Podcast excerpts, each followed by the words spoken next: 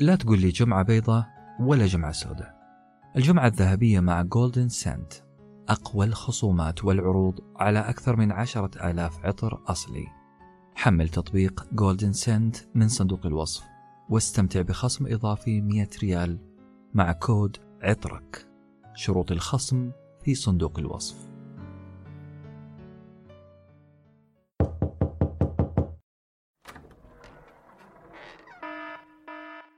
مرحبا أنا عهد وهذا بودكاست مخرج طوارئ.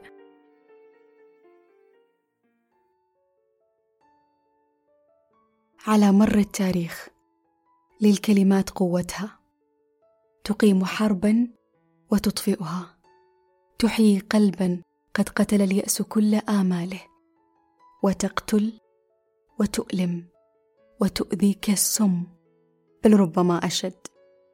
تحفز ولعلها المهمة الأسهل والأصعب في وقت واحد. يختلف تأثيرها حسب قائلها. لها وزنها وقوتها وأثرها. تلك الكلمات التي نتبادلها واللغات التي نعبر من خلالها. حتى أننا تفننا بها وصنفناها وأصبح لنا فيها مدارس. وهي في الأصل كلمة. يمكن لكلمة أن ترن جرس الطموح داخل عقل سامعها ويمكن للطموح أن يؤرق ويقلق ويصبح قضية حياة أو موت. ولا عجب أن يتنازل من ربط الطموح بالقلق والأرق عن غاياته. لا أتحدث هنا وغايتي أن أحفز أو أن أحيي الطموح ولكن على الأقل سأعبر عن وجهة نظري بحيادية تامة. أراعي فيها من جعل الانسجام أولوية حتى لو كان الثمن أن يتنازل عن طموحاته.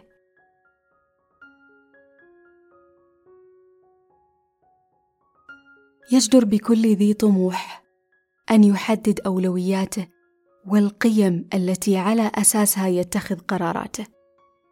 ولا بد أن نتفق أنا وأنتم على المفاهيم قبل أن نفصل فيها ونحدد نقاط اختلافنا واتفاقنا. القصة القادمة ستوضح الفكرة أكثر. كنت مع زميل لي في إحدى جلسات الكوتشنج الجلسة الثانية بعد جلسة ناقشنا فيها إحدى طموحاته والعوائق التي في طريقه. أخبرني أنه رغم طموحه المميز في نظري أنه يخشى من أن يكون على حساب علاقاته وصحته. تعمقنا في الفكرة أكثر حتى وصلنا إلى ما سماه بالفردانية والفلسفة الأمريكية الاقتصادية في الحياة القائمة على الإنجاز ولا شيء سوى الإنجاز. المدرسة التي يكون فيها العمل والتقدم أبرز قيمتين محركتين لمن اختارها ولعل هذا كان أبرز عائق في طريقه أو بالأصح السبب وراء كل العوائق في طريقه. هذا الشاب الطموح كان قد ربط الطموح بالقلق والأرق وهو للتو قد بدأ مشواره. كيف لمفاهيمنا للأشياء أن تكون عائقا يحول بيننا وبينها؟ هو يعلم أنه يريد وأن طموحاتك كثيرة. ودربه ليس طويلا وحسب بل متعدد المهام والأهداف والمحاط. رحلة نحو القبر كما سماها أن تمضي في الحياة والحياة رحلة. وأنت تعلم أن نهايتها قبر؟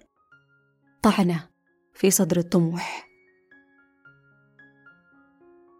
كون القبر هو النهاية بغض النظر عن اختلاف مفاهيمنا حول الموت لا يلغي أن عمارة الأرض هي رسالة البشرية.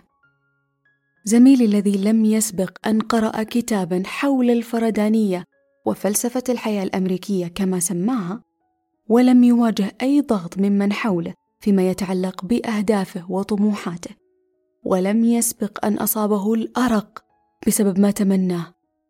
لا يعلم من أين تكونت في ذهنه تلك الصورة وذلك الارتباط بين الطموح والأرق والقلق. أردت أن أتأكد من أنه لم يكن في موقف انسحاب من الحياة خوفا من قلق الطموح أو شكا في قدراته.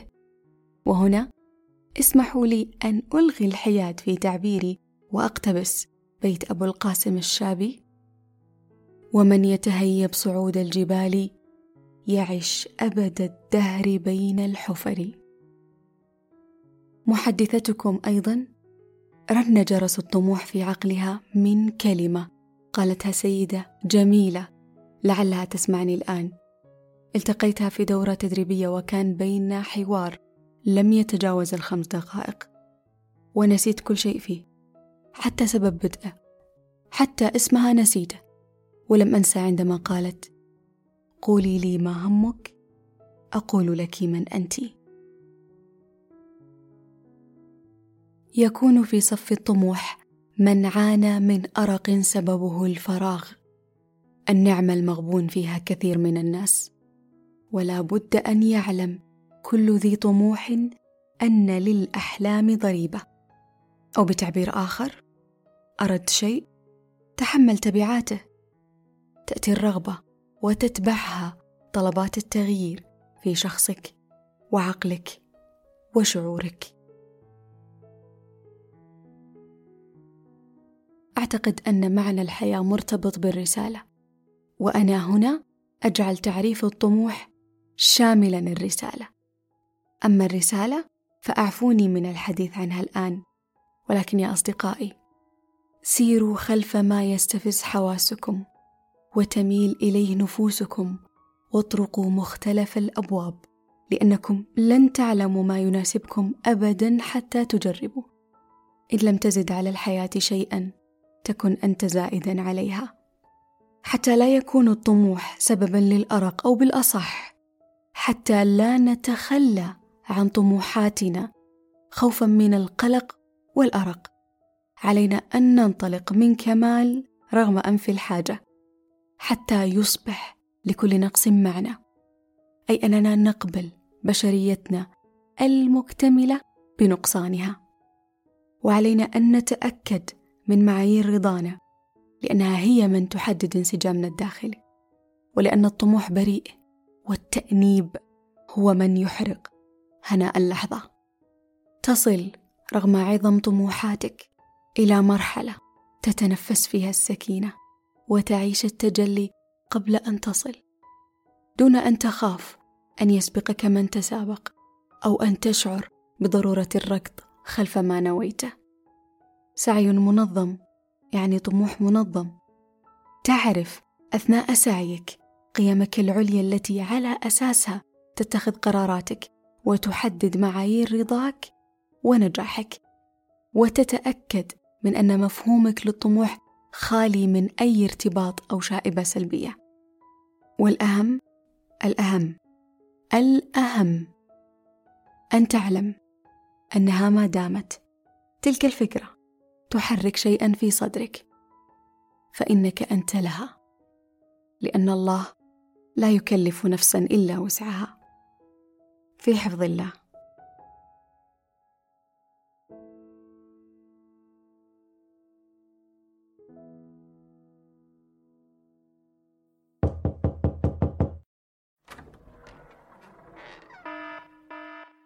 مرحبا. أنا عهد. وهذا بودكاست مخرج طوارئ.